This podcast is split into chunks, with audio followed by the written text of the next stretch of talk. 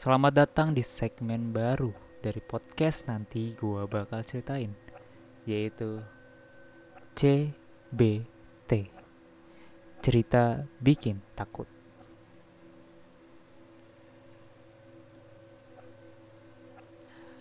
Baiklah sebagai pengawalan dari skema baru yang gua buat sebagai uh, one man crew di podcast nanti gua bakal ceritain ini merupakan awal segmen horor sekaligus awal dari skema baru. Sedikit penjelasan tentang segmen CBT ini, cerita bikin takut. Jadi di segmen CBT ini, gue akan mengisahkan kisah-kisah horor yang terjadi eh, pada kehidupan gue, kehidupan teman-teman gue, kehidupan orang lain, atau mungkin cerita-cerita dari internet, atau mungkin kisah-kisah mengerikan yang beredar di masyarakat. Ya intinya sebenarnya di segmen ini gue akan menceritakan kisah-kisah horor tersebut.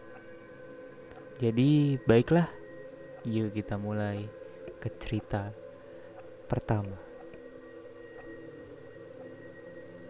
Cerita pertama ini eh, datang dari kehidupan gue pribadi ya karena gue banyak mengalami kejadian-kejadian yang kalau dibilang horor sih kalau menurut gue sih enggak enggak terlalu sih ya.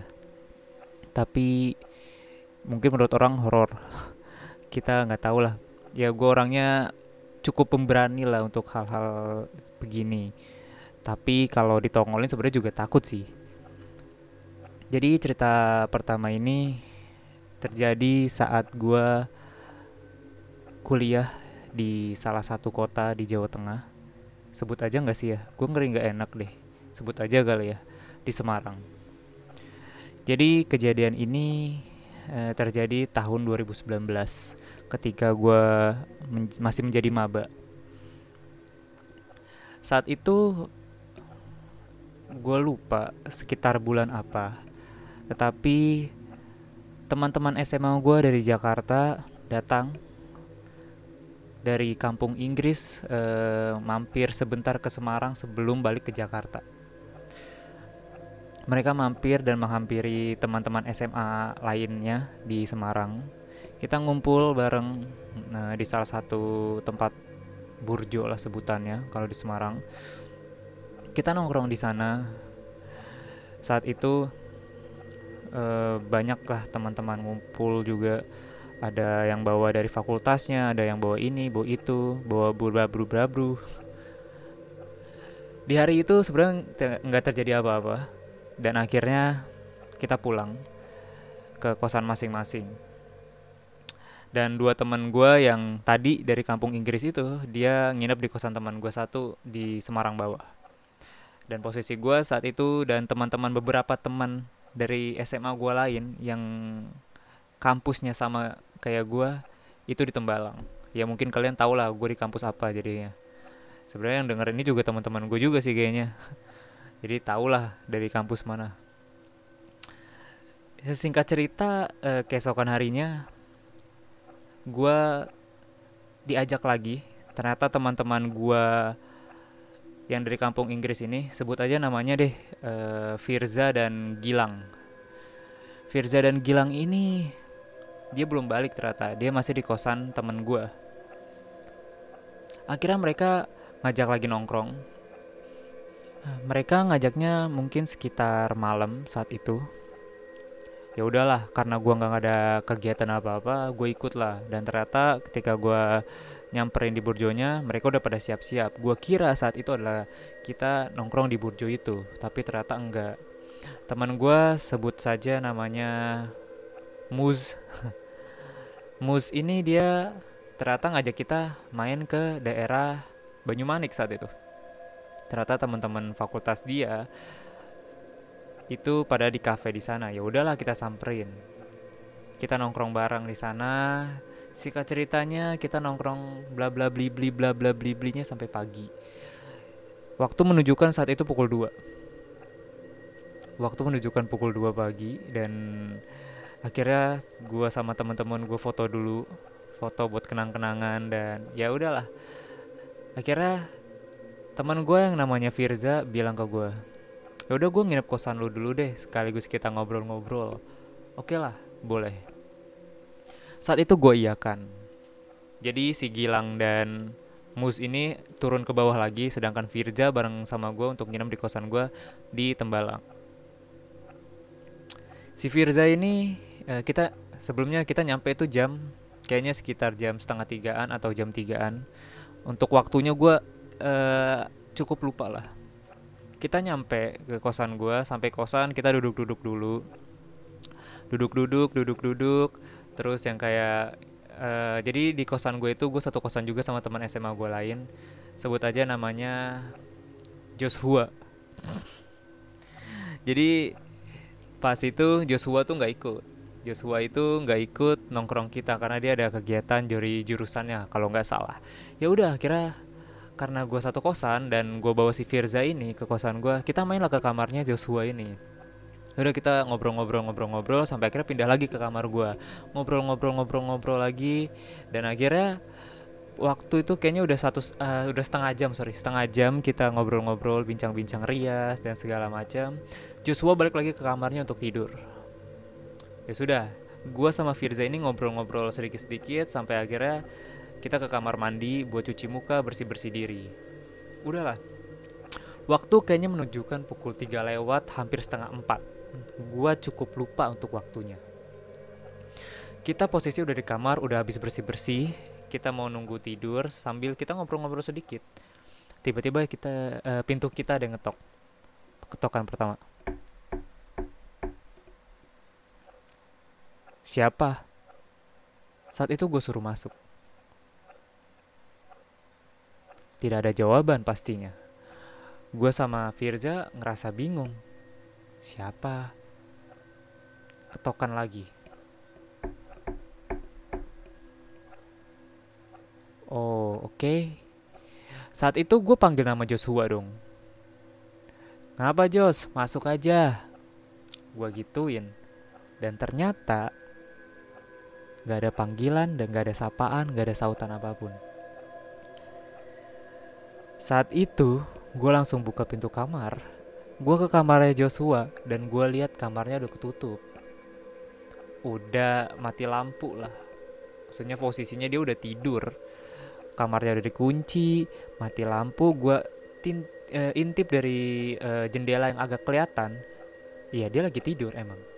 Dia lagi tidur gue balik ke kamar gue bilang ke Fir ke Firza udah tidur dia si Joshuanya bukan Joshua yang ngetok oke okay.